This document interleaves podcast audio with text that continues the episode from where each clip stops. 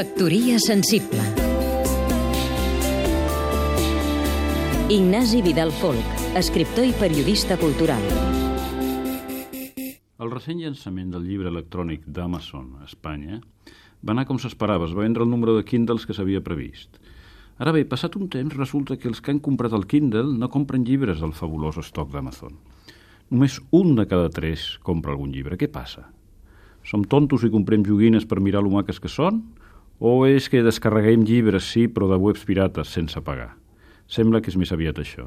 I és que qualsevol llibre que vulguis el trobes gratis a l'Hyperspai. Per això les editorials espanyoles s'enfonsen a velocitat de creuer. L'any passat van baixar les seves vendes a unes xifres esfereïdores, en part a causa de la crisi, és clar, però també per culpa de la pirateria.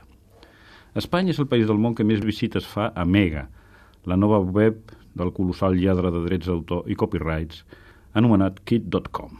Aquest senyor, amb nom de dèspota coreà, declara el país. Espanya sempre ha estat un gran mercat per a nosaltres i els espanyols sempre han estat fans dels nostres serveis. Aquest lladre ens adora. Ens hauríem d'avergonyir? No. No crec que nosaltres, els espanyols, i els italians, que en això se'ns assemblen molt, siguem per naturalesa més lladres que posem els alemanys o els anglesos. Això són tòpics. Passa que ells tenen lleis severes i es fan a complir. Aquí, en canvi, músics, escriptors, editors, cineastes són espoliats impunament i ho seguiran sent fins que la comunitat internacional ens declari estat pirata i ens imposi sancions. Tant de bo passi aviat, ja que nosaltres som incapaços de posar ordre a casa nostra. Factoria sensible